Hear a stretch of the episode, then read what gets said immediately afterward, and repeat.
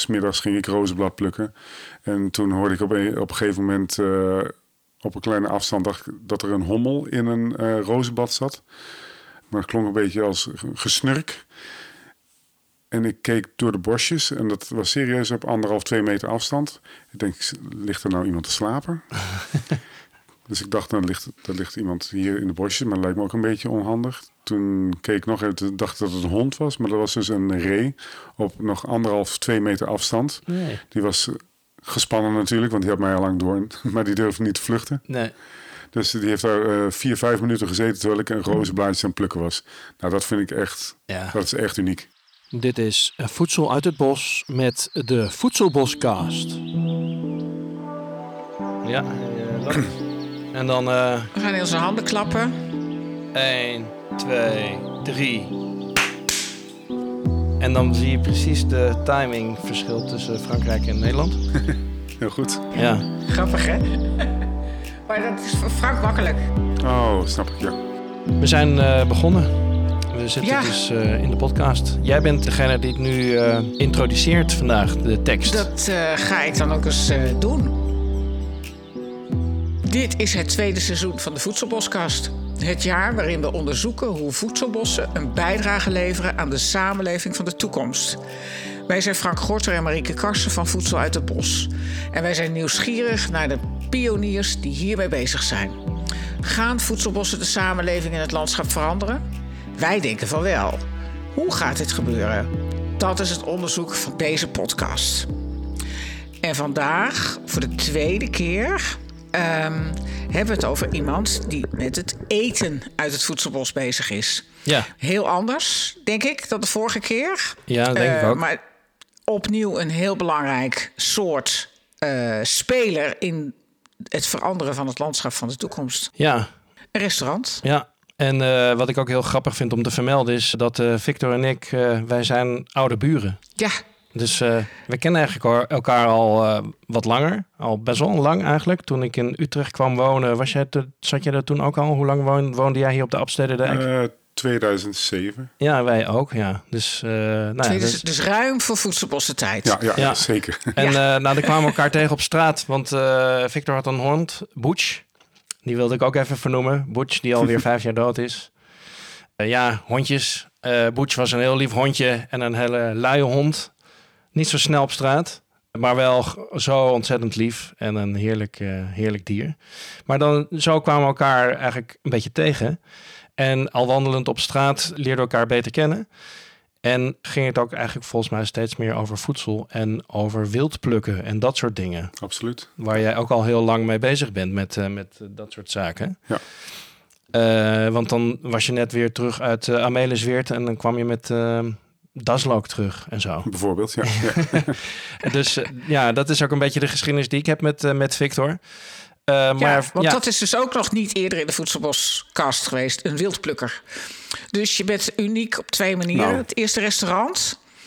Victor als persoon zelf natuurlijk. Iedereen is uniek. Maar ook het, de, de, de instroom vanuit het wildplukken. Laat, het, laat ik het zo zeggen. hè. Want iedereen stroomt in in die voedselbossenwereld. Vanuit zijn eigen achtergrond. De ene is boer, de ander onderwijzer. En jij had toen ook al een restaurant in 2007. Eh, nee, nee, nee. Toen, was ik nog, eh, toen werkte ik in een ander restaurant. Ja. ja, ik heb Victor echt zien eh, groeien daarin. Want jij werkte Ja. bij een ander restaurant. Ja. Eh, en toen kwam op een gegeven moment, ik weet niet meer precies wanneer dat was. Ik noem maar even, was dat 2015 of zo? Dat jij voor jezelf bent begonnen? Eh, nou, vandaag precies eh, zeven jaar geleden. Toen hebben we eh Heron geopend. Ja. Is het vandaag Ja, precies zeven jaar geleden? Had zo moeten zijn. Ja. Echt waar? Ja, ja absoluut. Wauw. Ja, 5 juli 2016 hebben we het restaurant geopend. Ja. Ja. Ja. Nou ja, en dus dat is Heron. Dat is het eh, restaurant in Utrecht. Waar je ja, eigenlijk dus heel veel kan eten. Waarmee jij bent begonnen met, met wildplukken. Een bokkelhart. eh, Ja. Dat soort dingen heb ik bij jou gegeten. Ja, Ja. wat nog meer? Dus het hele dier, is dat het? Het, Zijn dus het de hele combinatie. dier inderdaad. Ja, het hele Ja. dier, maar ook ehm, eh, inderdaad eh, kruiden uit het wild. En eh, uiteindelijk ook de aanvulling van het, eh, van het voedselbos. Ja, precies. Ja, want daar gaan we het natuurlijk vandaag over hebben. Je hebt eh, ook al inmiddels een eh, paar jaar een relatie met het voedselbos Haarzuilens. Ja, Waar jij eh, plukt. Ja. en je ja, voor een deel je oogsten vandaan haalt. Ja, absoluut. Ik denk zo ongeveer eh, dat dit het vijfde seizoen is dat we daar plukken. Ja.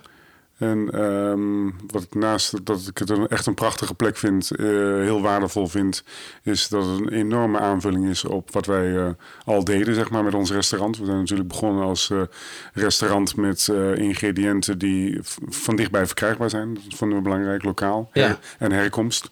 Um, daarnaast plukte ik al van ja, misschien al wel 15 jaar in het wild.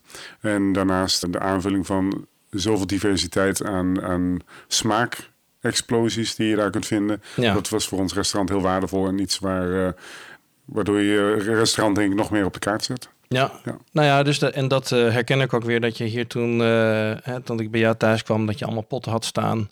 Dat je bezig was met dit en dat fermenteren. Ja, ja. Uit de Noordzee haalde je oesters en van allerlei schelpen.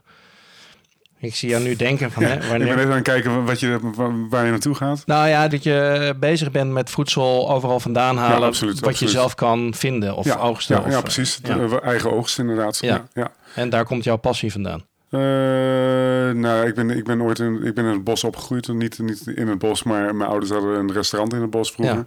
En ik was dus veel buiten. En ik wist eigenlijk wel waar alles stond toen ik ouder werd. En... Um, ik ben ooit in aanraking gekomen met uh, slow food uh, in Utrecht, de professionals uh, afdeling. En dan kom je ook in contact met andere mensen en dan groeit het eigenlijk heel snel. Ja. En ik heb op een moestuin hier in Utrecht gewerkt, moestuin Maarschalkweert, als ja. vrijwilliger één dag in de week. Ja. En dat heeft mijn gevoel voor natuur en herkomst heel erg beïnvloed. Ja. ja. Ja, precies. Die moestuin. mag ik even nog terug? Dus jouw ouders hadden een restaurant ja. in het bos. Ja.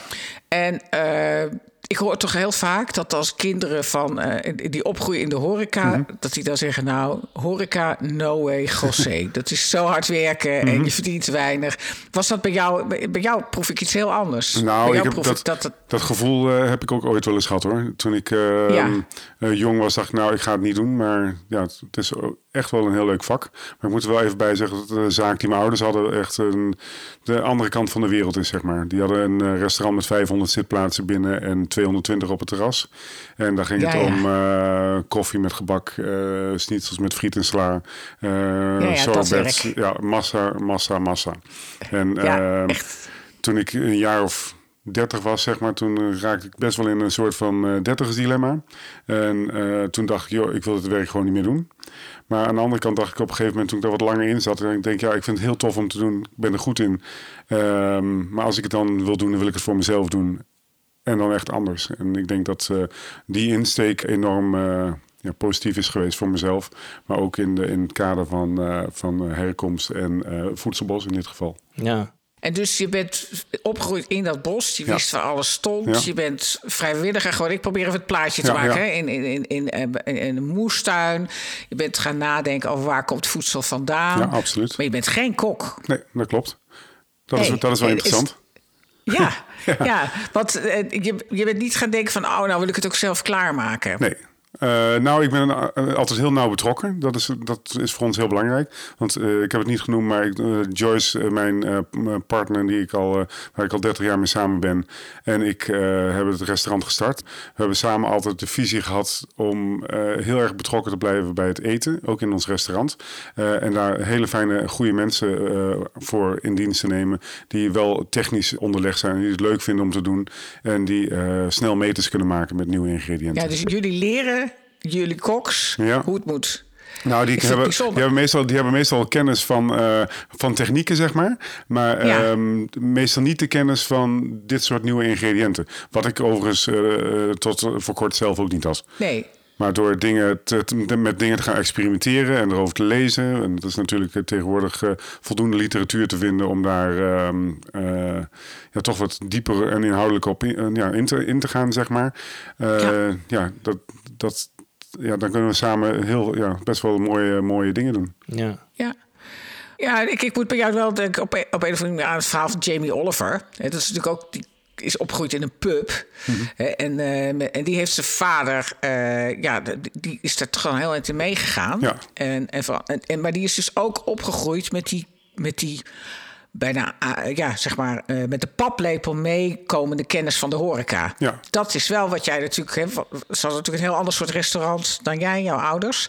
Maar uh, die kennis die heb, die heb jij gewoon in je. Je Ja. weet hoe je personeel aan moet sturen, hoe je de, hoe je de, de flows moet organiseren. Want in een restaurant heb je heel veel flows, Mhm. Ja, ja. neem ik aan. Zeker, zeker. Ja, ja, daar heb je natuurlijk altijd wel heel veel aan gehad. Ja. Zelfs al was hun, hun methode anders. Ja, nou ja, voor- vooral eh, inkooptechnisch heb ik heel veel van, eh, van mijn vader geleerd eh, vroeger. Ja, ja. Ja. Die ging naar bepaalde plekken waar dingen dan toevallig goedkoper waren. En dan zijn wij van mening dat elke producent een eerlijke prijs moet krijgen voor wat hij, wat hij verbouwt. We zullen nooit eh, een korting vragen of afdingen op de prijs. Ehm, en dat deed mijn vader trouwens ook niet, maar die ging meestal vroeger wel naar producenten waar het goedkoper was. Ja. Ja, waar die dus direct inkocht in plaats van via de Sligro of de Hanos Ja, of zo. absoluut. Ja, precies. Absoluut. Ja, Dus Ja. dat zit er bij jou heel erg in, neem ik aan. absoluut. Zeker. Ja, ja. Ja. Zit, zit er nog een contingent vaste groothandel in? Frisdrankjes, dat soort werk? Ja, ja, zeker, zeker. Dat, dat is onoverkomelijk. Maar voornamelijk voor eh, eh, frisdranken hebben we niet. Want we maken ook zelf onze eh, non-alcoholische Oh, ja. dranken. Althans, die maakt Joyce, mijn, mijn partner. Ja. En die maken we dus ook van ingrediënten uit het voedselbos. Te gek. Ja, Ja, ik heb maar- één keer bij jullie gegeten. Ja. En toen was ik echt helemaal omringd door bubbelende potten. met, met allemaal prachtige namen erop. Ja. En, en het was echt waanzinnig. Ja. Dus Nou, leuk. ja, het is het is echt heel erg lekker eten. Ja, En nou ja, goed, je leidt dus op een bepaalde manier ook jouw koks op om dit deel op te pakken.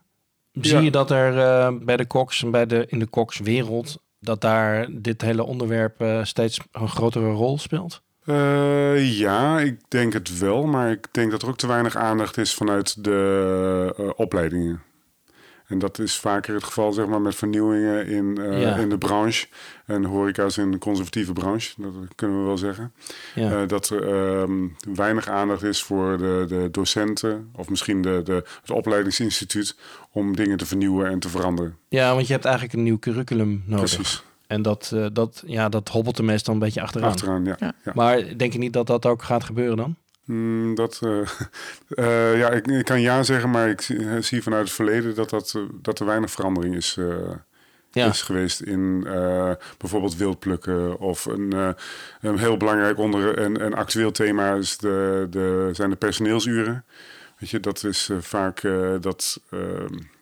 Dat is een heel ander onderwerp hoor, maar het is wel interessant om, om te benoemen. Ja. Wat je, eh, in de horeca is het gebruikelijk dat je niet eh, 38 uur in de week werkt. Nee. Maar dat eh, zijn er eh, is, eh, meer regelmaat een uitzondering dat Ja. het eh 50 of 60 uur is eh, in de week. Ja, precies. Eh, dat onderwerp, zeg maar, dat is voor ons ook een onderdeel eh, duurzaamheid, hè, duurzaamheid van, eh, van personeel.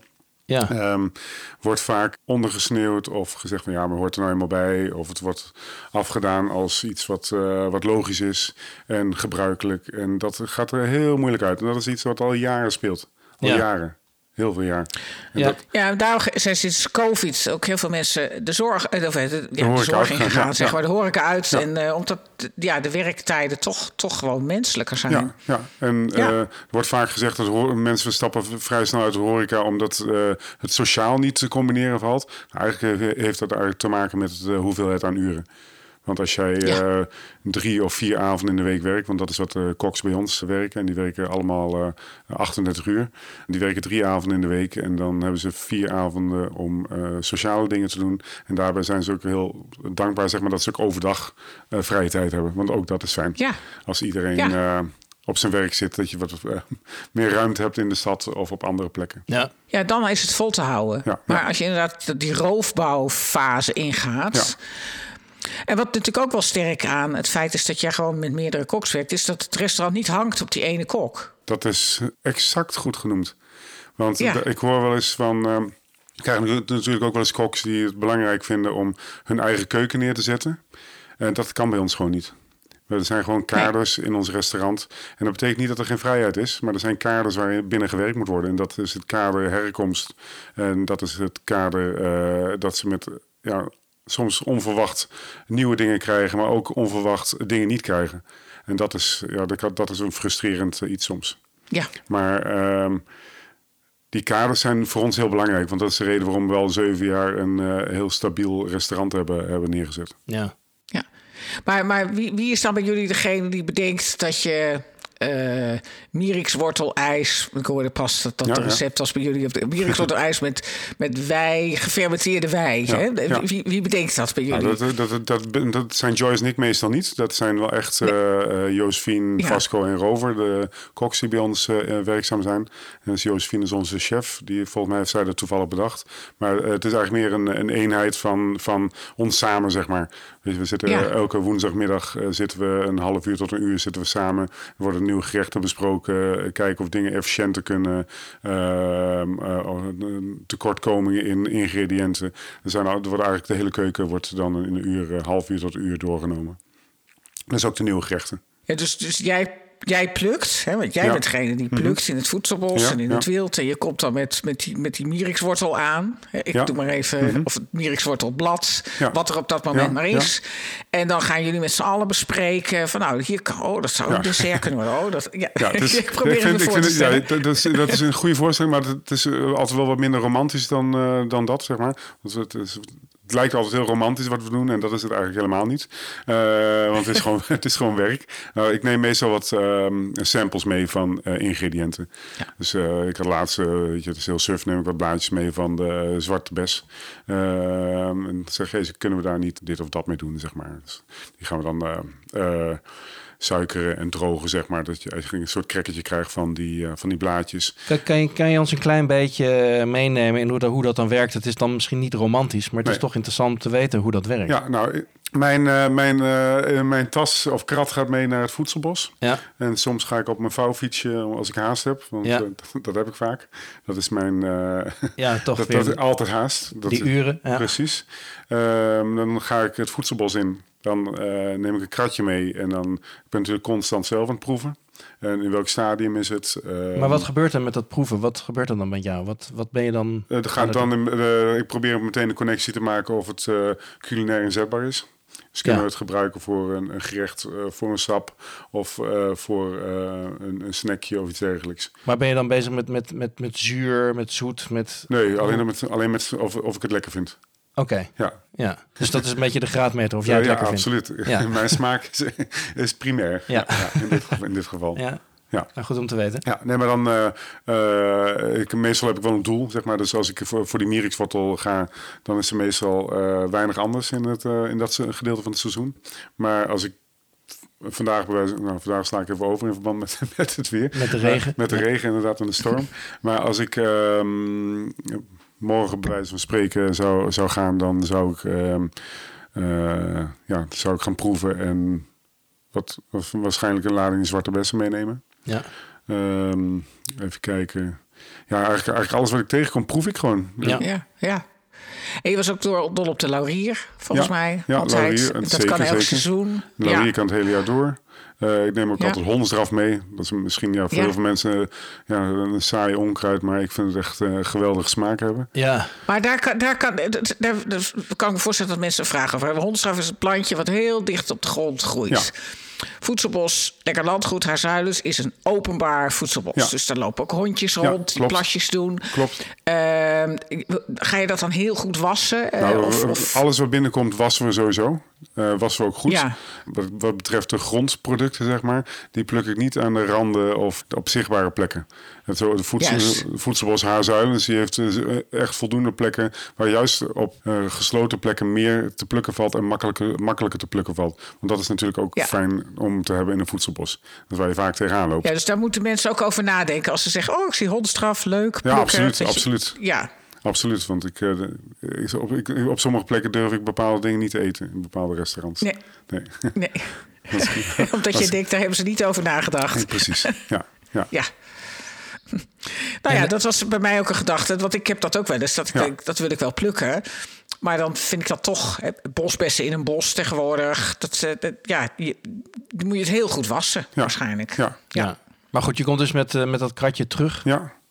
En dan, En dan, eh, dan is iedereen nieuwsgierig. Wat zit erbij? ja, hè, komt iedereen dan Ja. naar het kratje toe? Ja, dat is, dat is misschien wel het romantische idee. Ja, zeg maar. Dat Ja, is, dat is heel romantisch. Ja. dan gaat iedereen kijken inderdaad. hey, wat heeft hij, eh, heeft hij knakker nou meegenomen? Ja. En dan eh, proeven meteen. Dat geldt natuurlijk niet alleen voor mij, maar dat doet iedereen. Ja. En dan eh, zie ik altijd soms hoofdjes zo schuin gaan. Zeg maar, oh, daar zou je misschien wel dit en dit mee kunnen doen. En dan gaat het proces werken. En juist doordat je het in een teamverband doet, wat ik altijd heel leuk vind, moet ik eerlijk zeggen. En dat is niet voor elke kok weggelegd. Maar juist dat het in een teamverband gebeurt. Dan worden, er- ontstaan er gewoon nieuwe, nieuwe ideeën.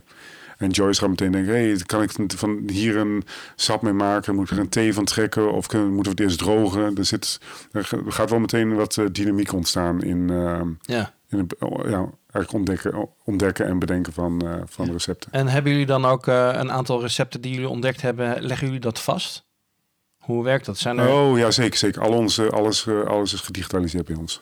ja, Alle dus, recepturen. ja, precies. Dus Ja. je hebt dan eh, bepaalde recepten die je eigenlijk dan weer opnieuw maakt. Eh, in principe wel, maar ik ben ook wel van mening dat we...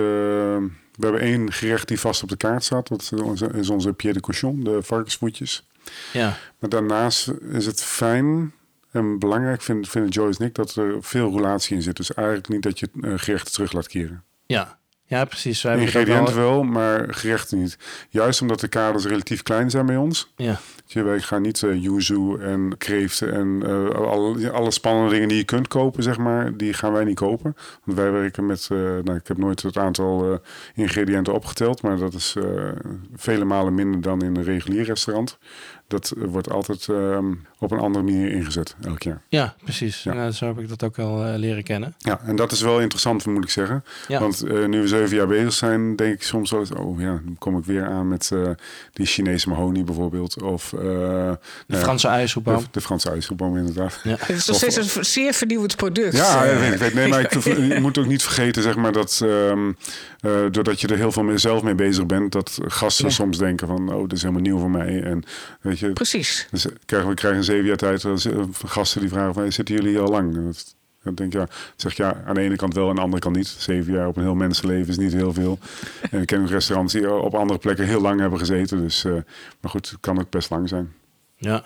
Ja, dus je hebt wel natuurlijk het, de seizoenen. En dan op een gegeven moment is in het seizoen zijn de pruimen rijp of de Precies. dingen. En daar, Daar doe je iets mee. daar doe je dan iets mee. Maar je wilt wel elk jaar iets anders ermee doen. Ja, maar goed, je geeft een goed voorbeeld van pruimen bijvoorbeeld. We, we plukken ook onrijpe pruimen in het voorjaar. Oké. Of amandelen in de, in de schil, die je ook in het voedselbos kunt vinden. Of eh, onrijpe kruisbessen, En dan ga je, die ga je dan bewerken. die gaan we bewerken inderdaad. Ja. Ja. Oké, dus dan loop je door de voedselbos, keihard groen pruimpje. Dan neem je een hapje Ja, van. precies, zeg dat je, doe ik oh, zeker. lekker. Oh, nou, dat, dat, dat, dat eerste doe ik zeker, maar oh, lekker, dat komt er meestal niet uit. Maar denk, ah, nou, maar ik weet wel wat- wanneer je er wat mee kan doen, zeg maar. Ja, ja. Dus dat is goed om te weten. Ja, ja, Interessant. dus, Nee, maar dat soort dingen. Dus die, die koks die komen van die school af. Hè, en die weten dan het fermentatieproces waarschijnlijk een beetje. Ja. Drogen. Hè, dat soort technieken beheersen. Ja. Maar fermenteren is natuurlijk ook iets waar je nog eindeloos in door kan leren. absoluut, absoluut. En waar we eh, met z'n allen nog heel weinig van af weten. Precies. Althans, wij. Ja. Ja, wij, Onze generatie en eh, Ja. onze generatie eh, werkende koks, denk ik. En Ja, er zijn- dus, dus jij bent je koks eigenlijk ook aan het opleiden. nou, ik denk dat we elkaar aan het eh, Ja. uitdagen zijn. Ja. Ja, Maar je hebt dus eigenlijk al een, een- misschien al een boekwerk met eh, recepten. Mhm. Ehm, toch weer even terug naar die, naar die opleiding. Is het niet ook tijd om een keertje contact te zoeken met die eh, opleiding? Of iemand, misschien niet jij, maar dat we gaan kijken van... kan die koksopleiding daar niet iets mee? dat eh, zou iemand anders moeten doen, eh, denk ik, Frank. Ja, Daar ben ik niet voor gemaakt. nee, maar goed, Nee, misschien nee. zijn er wel luisteraars Ja. of mensen die dit horen... en denken van ja, dit zou ik eigenlijk willen Ja. oppakken. Ja. Een beetje, misschien een beetje een oproep Ja, voor iemand. Nou, er is, er is, we hebben het zonnecollege in onze cursus gehad. En daar zit zowel de hovenierstak als de kokstak zit, eh, in de cursus elke keer. Want die willen samen optrekken.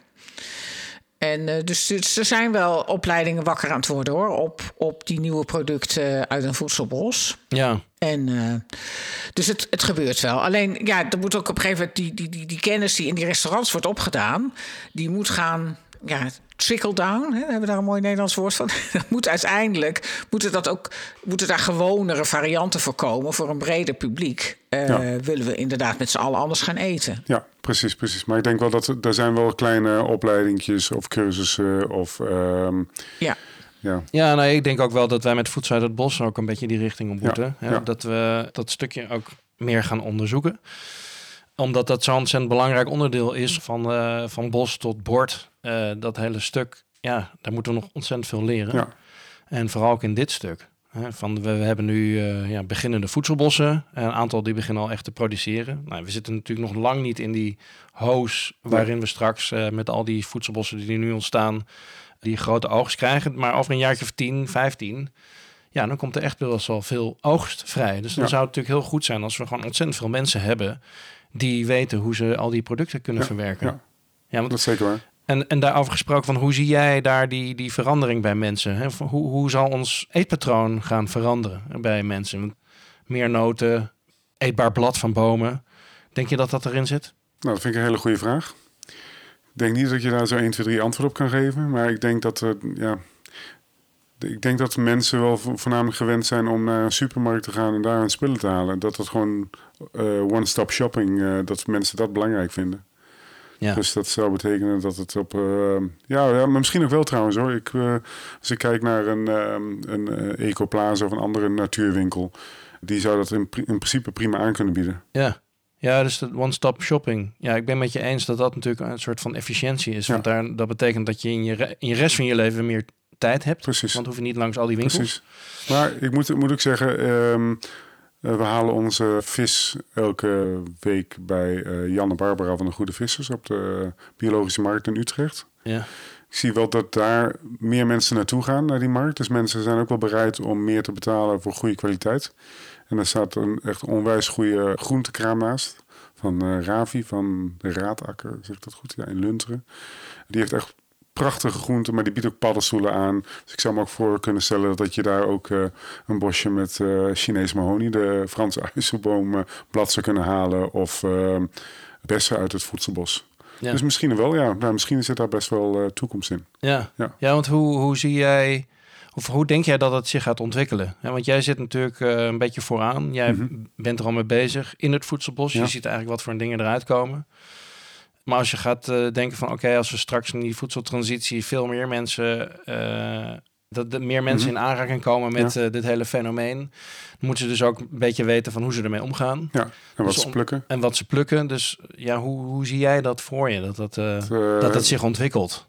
Poeh, daar heb ik niet zo over nagedacht, Nee? moet ik eerlijk zeggen. Nee, nee. Het is, gaat een beetje over de toekomst van ons landschap. Hè? Dus, ja, snap ik. Ja. ik vraag even een andere vraag. Kijk, wild plukken. ehm, dat is natuurlijk ontzettend leuk, maar er is nauwelijks nog wild in Nederland. Stel dat iedereen zou gaan wild plukken. dat, dat, dat gaat gewoon niet in Nee, Nederland. nee. Dan hebben we gewoon niet genoeg wild. Dus je zou natuurlijk die beweging van we leren plukken en herkennen en proeven heel goed door kunnen trekken naar een voedselbos. Want die worden ervoor aangelegd Ja. Om te mogen plukken. Ja. Zo vo- voel ik het ook een beetje. Dat ik denk van ja, ik vind een wildplukken nou, ja, tot op zekere hoogte maar een leuke ontwikkeling. Ja. Want als te veel mensen dat gaan doen, dan, dan, eh, dan haal je gewoon, eh, dan schraap je het ook weer weg. Ja, Zeg maar. ja. Ja. Maar een voedselbos zou een perfecte wildplukplek kunnen worden. In de zin van dat je het daar wel mag halen. Ja. Zo zou een voedselbos kunnen gaan werken. Dat mensen daar gewoon langs kunnen komen en kunnen plukken.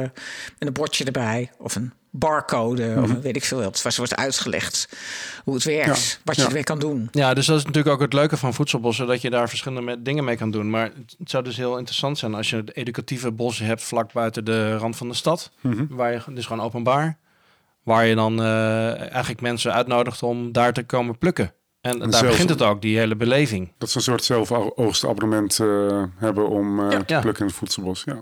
Ja, nou die voedselbossen worden al gemaakt. Ja, Eh, die hebben het dan ook zo georganiseerd dat eh, eh, dan wat in het voorjaar plukbaar, eetbaar is, staat dan bij elkaar. En in de zomer eetbaar, plukbaar bij elkaar. Zodat ja. je dan ook elke keer een bepaald stuk openstelt en de rest met rust kan laten. Ja. Daar, is al echt al, daar wordt dus door steeds meer mensen over nagedacht. Maar wat ik wel heel erg zie, is dat, dat je gaat naar de supermarkt en je zet het in een kwartier op tafel. Dat is wat toch heel veel mensen nu doen. Bij veel producten uit een voedselbos zit, dat, zit er een hele bewerking aan vast. Dat vinden jullie juist ook zo leuk. Die Ja. smaken komen pas voor als je gaat drogen, gaat fermenteren, gaat dit, gaat dat, gaat zus, gaat zo. Dus die tussenstap, dat zou ook weer een businessmodel kunnen worden. Ja. Want steeds minder mensen, laten we eerlijk zijn, zijn nog in staat om gewoon op, op instinct, op intuïtie, op basiskennis te koken. Ja. de meeste mensen koken uit een pakket of een recept of een, of een kant-en-klaar ding of een magnetron. Maar gewoon dat ze bedenken, oh, ik moet iets zoets, iets zuurs, iets krokants en een bite hebben. Ik noem maar wat, dat je op die manier een, een, een gerecht kan maken met wat er toevallig in de koelkast ligt. Dat wordt een schaarser goed. Ja. Dat, dat, die trend durf ik wel, te, wel aan. En dat gesprek, dat wordt nog te weinig gevoerd. Dat dat feitelijk gaande is, dat steeds min- minder mensen echt kunnen koken. Dat we dus allemaal ingrediënten erbij krijgen met heel veel smaak en mogelijkheden en lekkerigheid. Maar dat, dat we die, die, die wel moeten bereiden. Die zijn niet zomaar eh, een kant-en-klaar pakket. Ja, absoluut. Ja, dus dat zie jij ook zo. Dat dat eigenlijk een ook zo, ja. spanningsveld is. Ja, ja, ja. Dat is ook een spanningsveld waar wij tegenaan lopen natuurlijk. ja. We moeten naartoe. We moeten het oogsten. Staat er genoeg om eh, een gerecht voor een langere periode te maken. Weet je, in- sommige ingrediënten die zijn gewoon kort, eh, kort verkrijgbaar.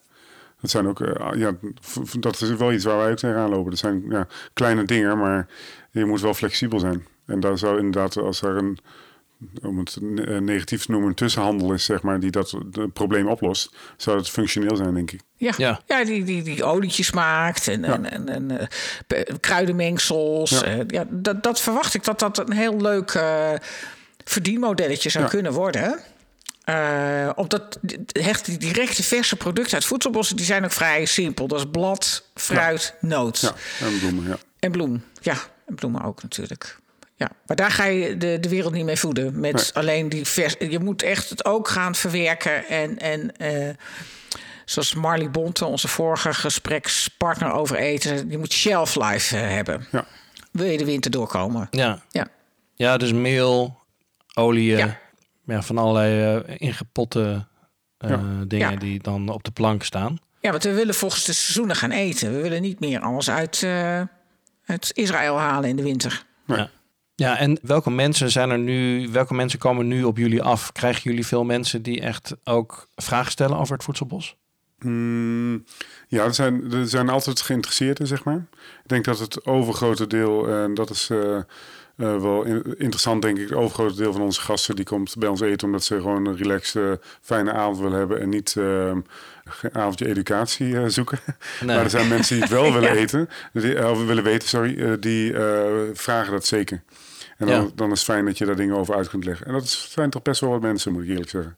Nou, kijk, je hoeft niet meteen een avondje educatie, maar ik vind het altijd wel leuk als er iets verteld wordt over het eten. En dan Ja. ja. heb je natuurlijk gewoon over de dingen waar je het over wil hebben. Maar Ja. dan is het toch leuk om gewoon meer feeling te krijgen met wat er op je bord ligt. En zeker als het dus lokaal gemaakt is en dat het dus een bepaalde, ja, misschien wel bijzondere achtergrond heeft. Ja, ja.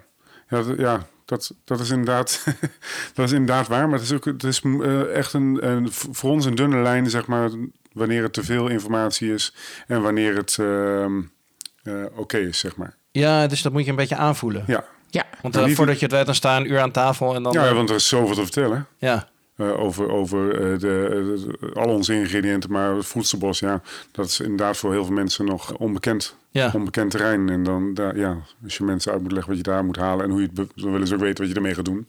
Dus dan ben je, daar sta je inderdaad snel eh, vier, vijf minuten aan tafel. Ja, ja, want hoe gaat die ontwikkeling bij jou? Ben jij ook eh, ben je echt aan het verdiepen in planten, eh, bijvoorbeeld? Mm, Hè, dus je hebt de smaak van de plant, maar je hebt ook natuurlijk gewoon de plant zelf. En nou, ik, ik benader het zelf altijd als een soort van moestuin.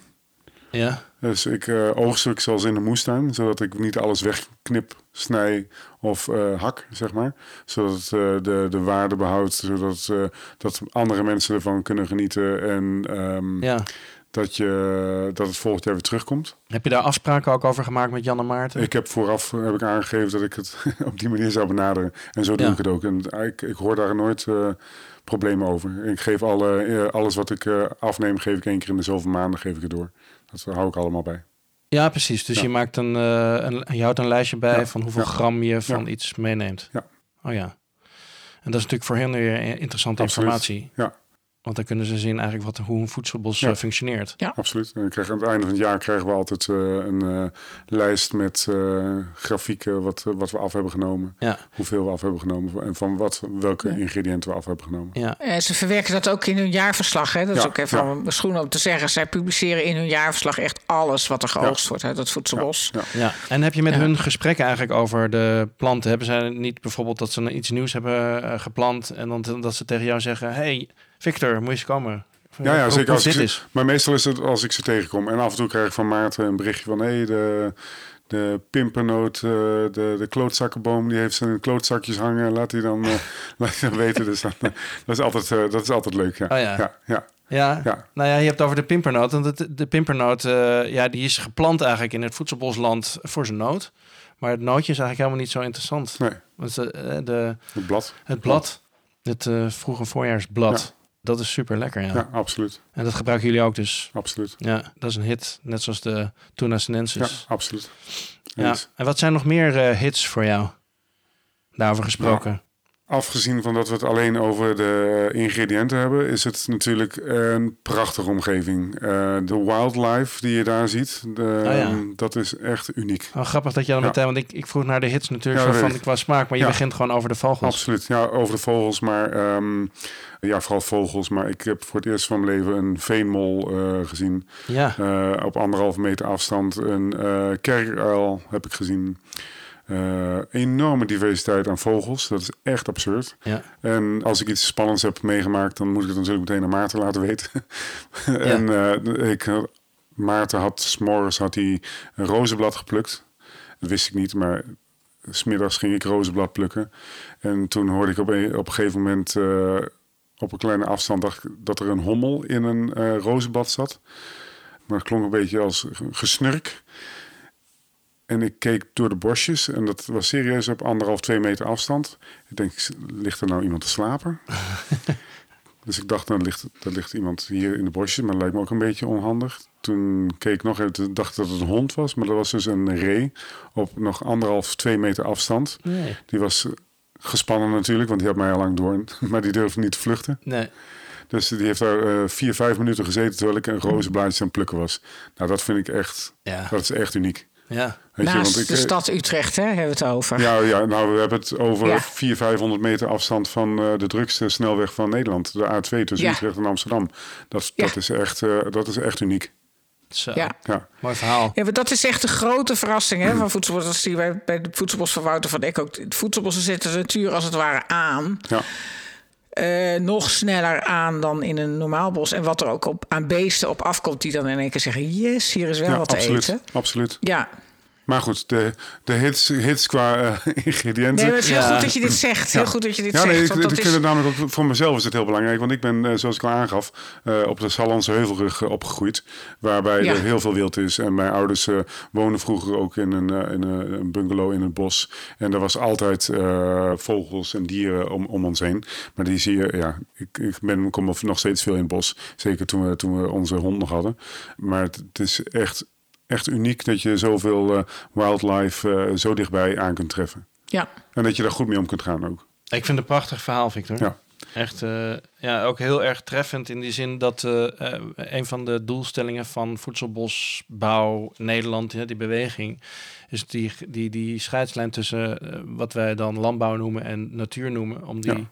Eigenlijk eh, ja, op te heffen. Misschien is niet het goede woord, maar dat dat meer gewoon gaat mixen met elkaar. ja, absoluut. En dat jij dus op eh, anderhalve meter afstand van een ree eh, in de rozenblaadjes staat te plukken. Dat is Ja. natuurlijk gewoon echt zo'n mooi verhaal in dit kader. Ja, en de fazanten zitten er ook overal. Ja, ja.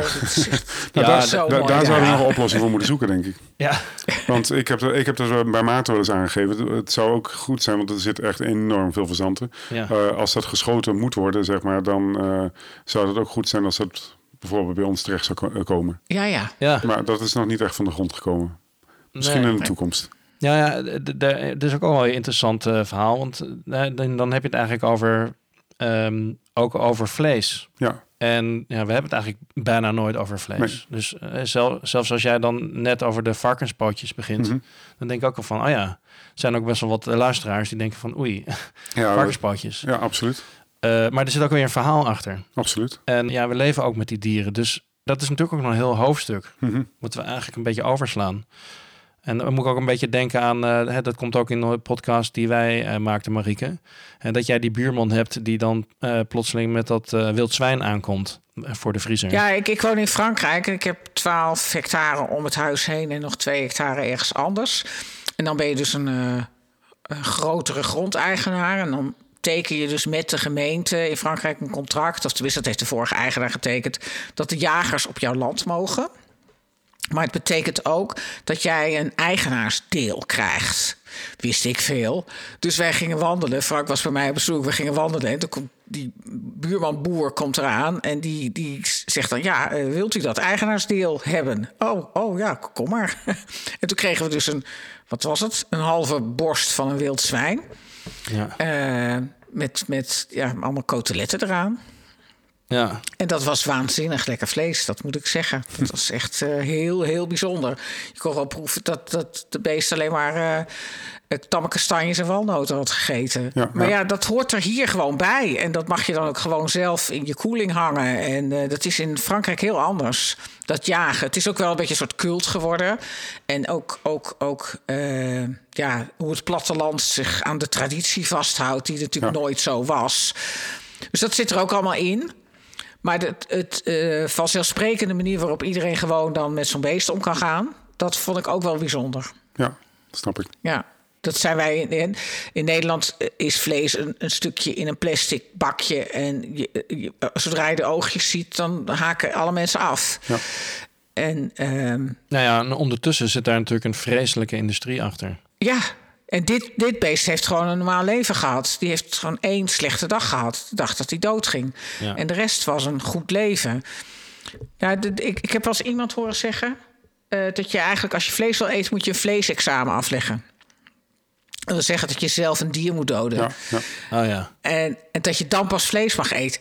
Daar zit wat in. Ik heb het nog nooit gedaan. maar het is, het is dat dan, ja, dan, dan besef je wat je doet. Ja. Ik heb mijn vleesexamen een keertje gehaald toen ik eh, als 18-jarige in Nepal ging wandelen. Ik was een half jaar in eh, India en eh, Nepal. En toen zijn we een trail op gaan lopen. En toen was ik met een aantal Engelse jongens die ik was tegengekomen. Toen zijn we naar een boerderij gegaan. Hebben een, een haan, was een beetje in de ja, overmoedigheid. Ik weet niet, ik was natuurlijk jong en ik dacht, ik doe dit gewoon. Toen hebben we een haan gekocht en die heb ik de nek omgedraaid. En die hebben we boven een kampvuurtje opgegeten. Geen eerst gebraden en opgegeten. Ik deed dat Ja. gewoon, maar ik, dat, ik, ik, eh, ja, er ging natuurlijk van alles door me heen toen ik dat deed. En, maar ook wel een beetje met het idee, ja, ik, ik noem dat geen vleesexamen, maar met het idee van ik moet het dan wel ook zelf kunnen. Ja. En de omstandigheden waren natuurlijk daar wel voor, daar, om het gewoon zelf dan te krijg doen. je maar- toch volgens mij zoveel meer respect voor het leven wat je neemt. ja, En hoe bijzonder dat is. Vlees moet gewoon heel bijzonder zijn. ja, Dat is de enige manier waarop we ermee om kunnen gaan. Dat we het echt heel bijzonder maken. ja. En dat doe jij door ook inderdaad het hele dier, door inderdaad daarover na te denken. Want wat, hoe, hoe, hoe zien jullie dat eh, als restaurant? Nou, dat is eh, best een goede vraag. ja. Want Ja. eh, ik denk dat Joyce en ik daar al vijf, zes jaar over eh, discussiëren. Vooral met z'n tweeën, hoe we er naar kijken. Joyce gelooft in het, eh, in het circulaire daarin.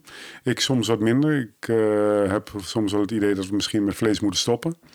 En ik heb een aantal jaar geleden als tegen gasten gezegd... had ik een fase dat mensen dat die vraag ook aan mij stelden. Dat ik zei van nou, het kan maar zo zijn dat we over drie jaar een eh, eh, veganistisch koken. Eh, Ja. En ik kan dat nog steeds zeggen dat dat misschien over drie jaar wel zo is. Maar ik durf het niet met zekerheid te zeggen. Maar ik moet daarbij wel aangeven, al het vlees wat wij in onze zaak verkopen, dat is allemaal van dieren met een goede herkomst. En Ja. altijd afvalvlees. Dus dan. Oké. Ja, dus eh, we hebben tot voor kort een ehm, stuk uienboord op als hoofdgerecht gehad. Dus dat zijn eigenlijk de uiers van een oude melkkoe. En die hebben we als een soort ehm, tonkatsu eh, gegaard. Dus als een eh, soort gefrituurde Japanse schnitzel. Oké. En ik moet eerlijk zeggen, ik ben daar vijf jaar mee bezig geweest om dat stukje vlees te kunnen krijgen, zeg maar. Want de, als ik het goed zeg, moet het NVWA, de keurmeester van het NVWA, een protocol daarvoor schrijven om het vlees uit het slachthuis te krijgen. Dus dat, dat is een interessant iets. Maar dat soort Ja. ingrediënten, het is echt super lekker. Maar dat, komt, dat ligt niet bij de slager. Nee. Nee, nou, dat is in Frankrijk natuurlijk anders. Ja. Daar liggen al die organen gewoon wel eh, bij de Ja, slager. Eh, Maar voor mij is dat inderdaad nog zo'n wereld waar ik dan als, als hobbykok tegenaan kijk. en denk, ja, god, waar begin ik? Ja. Hoe, hoe ga ik dit begrijpen? Hoe ga ik dit leren? Want ik vind het ook interessant. Zo moet Ja. je er naar kijken. Als, als iets heel bijzonders waar je elk onderdeel van kan gebruiken. En hoe zie je dan vis? Want je had het net over vis. Ja, een beetje hetzelfde. Ja. Ja. Dus je eet bijvangstvis bijvoorbeeld. Eh, bijvangsvis of eh, vis waar een flink kotum op zit. Eh, dus waar, waar veel van gevangen moet worden. Maar vooral dat het goed bevist is. En niet met eh, trawlers die over de grond schapen. Dus het is voor ons belangrijk dat de, herkomst eh, op een eerlijke en op een goede manier. eh, eh, dat het product op een goede manier verkregen wordt. Ja, want dan maak ik even het bruggetje. Je hebt een groene Michelinster Ja. gekregen. Ja, En ik denk dan als leek, die krijg je voor je groentegerechten. ja. Of krijg je die voor je milieubewustheid? Nou, dit is een, een duurzaamheidsondersteuning eh, van, eh, van Michelin. En dat Ja. heeft eh, voornamelijk te maken met de totale duurzaamheid van je, van je restaurant. Oké. Dus, dus ook, ook als je. Dus ze kijken dan ook naar. Nou, als je dan inderdaad vlees gebruikt, waar komt het vandaan en hoe ga je daarmee om? Precies, En- maar ook het gebruik van plastic in je zaak. Oh ja. Dus eh, vooral single-use plastics die we niet gebruiken. We kopen eh, voornamelijk groot in van bloem, eh, van zaden en noten. En dat, plukken we natuurlijk ook voornamelijk zelf. Maar het reduceren van plastic is voor, staat bij ons heel hoog op, op de agenda. Dus het enige waar we plastic, single-use plastic voor gebruiken is voor onze vis. Eh, zou ik graag zien dat we dat eh, niet gaan doen. Dus we zijn ook daarvoor aan het kijken wat we daarvoor voor kunnen, aan kunnen veranderen. Maar we krijgen vis één keer in de week binnen. Dus dat moet goed verpakt worden, anders kunnen we het niet een, eh, een week gebruiken. Dus daar hebben we single-use plastic voor nodig. Maar ook, eh, we hebben geen gas, gas meer in het restaurant. We zijn overgestapt op inductie eh, vorig jaar. Dat is wel nadat we de groene ster hadden gekregen. Ja. Dus ik zei er gekscherend tegen je van, eh, we hebben hem ook behouden. Maar het lijkt me onlogisch als je een groene ster ook gaat verliezen. Dan moet je echt wel een eh, slag maken om eh, ja, vooral niet duurzaam te werken. Ja. Als je eenmaal in die flow zit, Ja. dan, eh, dan ga je dat echt niet veranderen. Nee. Dan zoek je alleen maar de, meer de extreme op, denk ik. Ja. En zijn er ook echt mensen op afgekomen? Van nou, je hebt een groene ster. Nou gaan wij hier eten.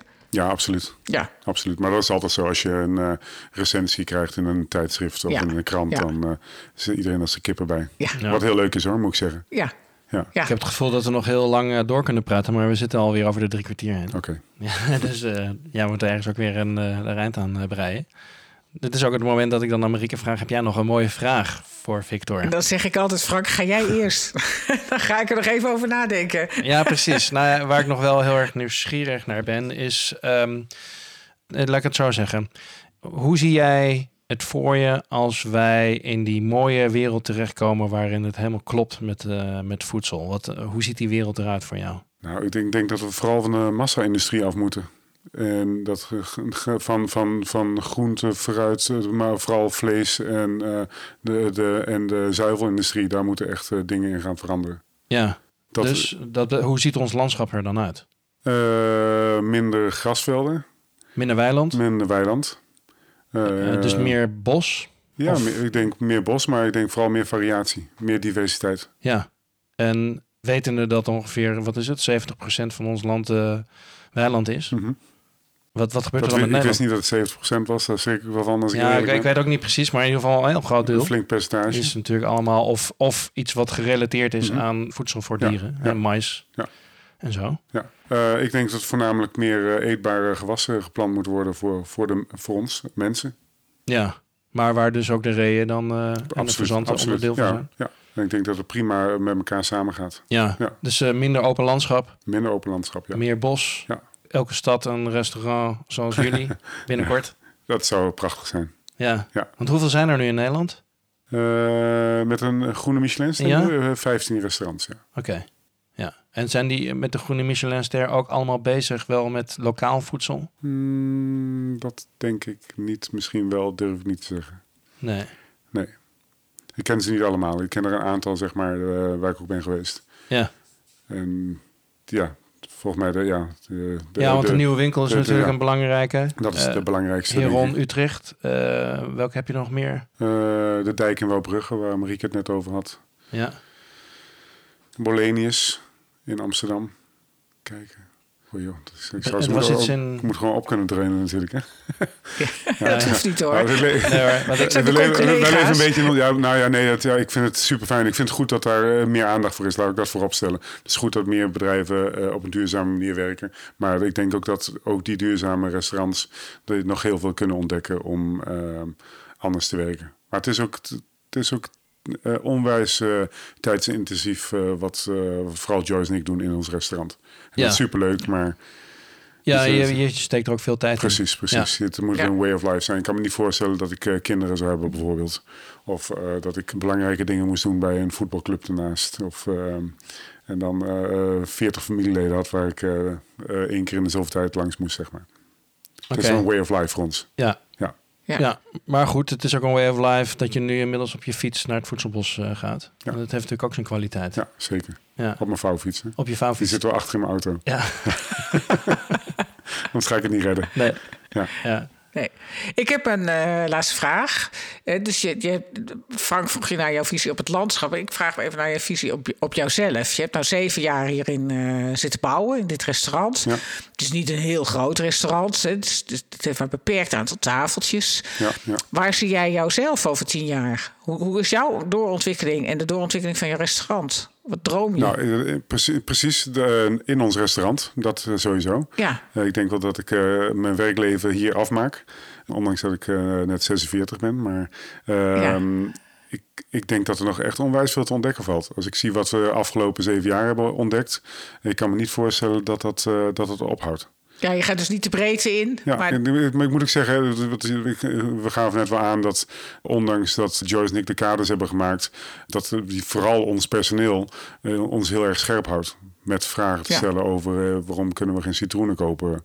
Die kunnen we natuurlijk wel in Nederland kopen, maar die zijn beperkt beschikbaar. En ik vind het juist leuk om naar andere opties te kijken, zeg maar. En vooral dat, eh, cont- continu vragen blijven stellen. Eh, kunnen we dingen wel of niet gebruiken? Ik merk dat dat heel, heel waardevol is. En dat we in mijn optiek tot mijn eh, pensioen kunnen doen als ik een jaar of tachtig ben. ja. Ja. En dan niet, niet zeggen, ik wil verhuizen naar een locatie met twee keer zoveel tafeltjes. Nou, dat is, dat is wel grappig dat je dat zegt. Toevallig hadden we gisteren Ja. een afspraak met onze huurbaas. En die zei dat al zijn, eh, die heeft meerdere eh, horecabedrijven, eh, wat overigens een hele fijne huurbaas is. Eh, die zei, eh, de meeste horecaondernemers vragen, heb je niet wat anders of wat groters of een extra pand erbij? Ik moet eerlijk zeggen, we- Joyce en ik hebben één keer een uitstapje gemaakt om een extra eh, restaurant erbij te gaan doen. Daar zijn we ook snel weer mee gestopt. Maar het, het stoppen van het restaurant is het meest waardevolle wat we ooit hebben kunnen doen.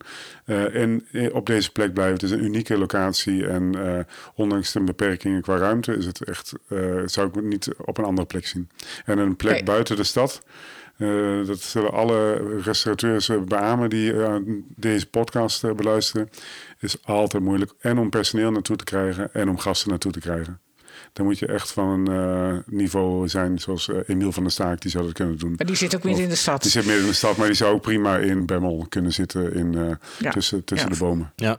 Ik, ik denk dat het wel slim is, want het is natuurlijk een enorme valkuil. Groter, meer Ja. personeel, meer, meer dit. En dan krijg je steeds meer die druk van die geldstroom. En Ja. steeds minder de ruimte voor die creativiteit. Precies. En, eh, ja, nou mooi. Mooi dat je dat Nou, kan. Ik moet er wel bij groeien. zeggen dat, dat, ja precies. Ik moet er wel bij zeggen dat we altijd bereid zijn om te zoeken naar eh, efficiëntie, nieuwe apparaten die ehm, eh, niet per se efficiënter, maar wel waar je nieuwe dingen mee kunt eh, ontwikkelen.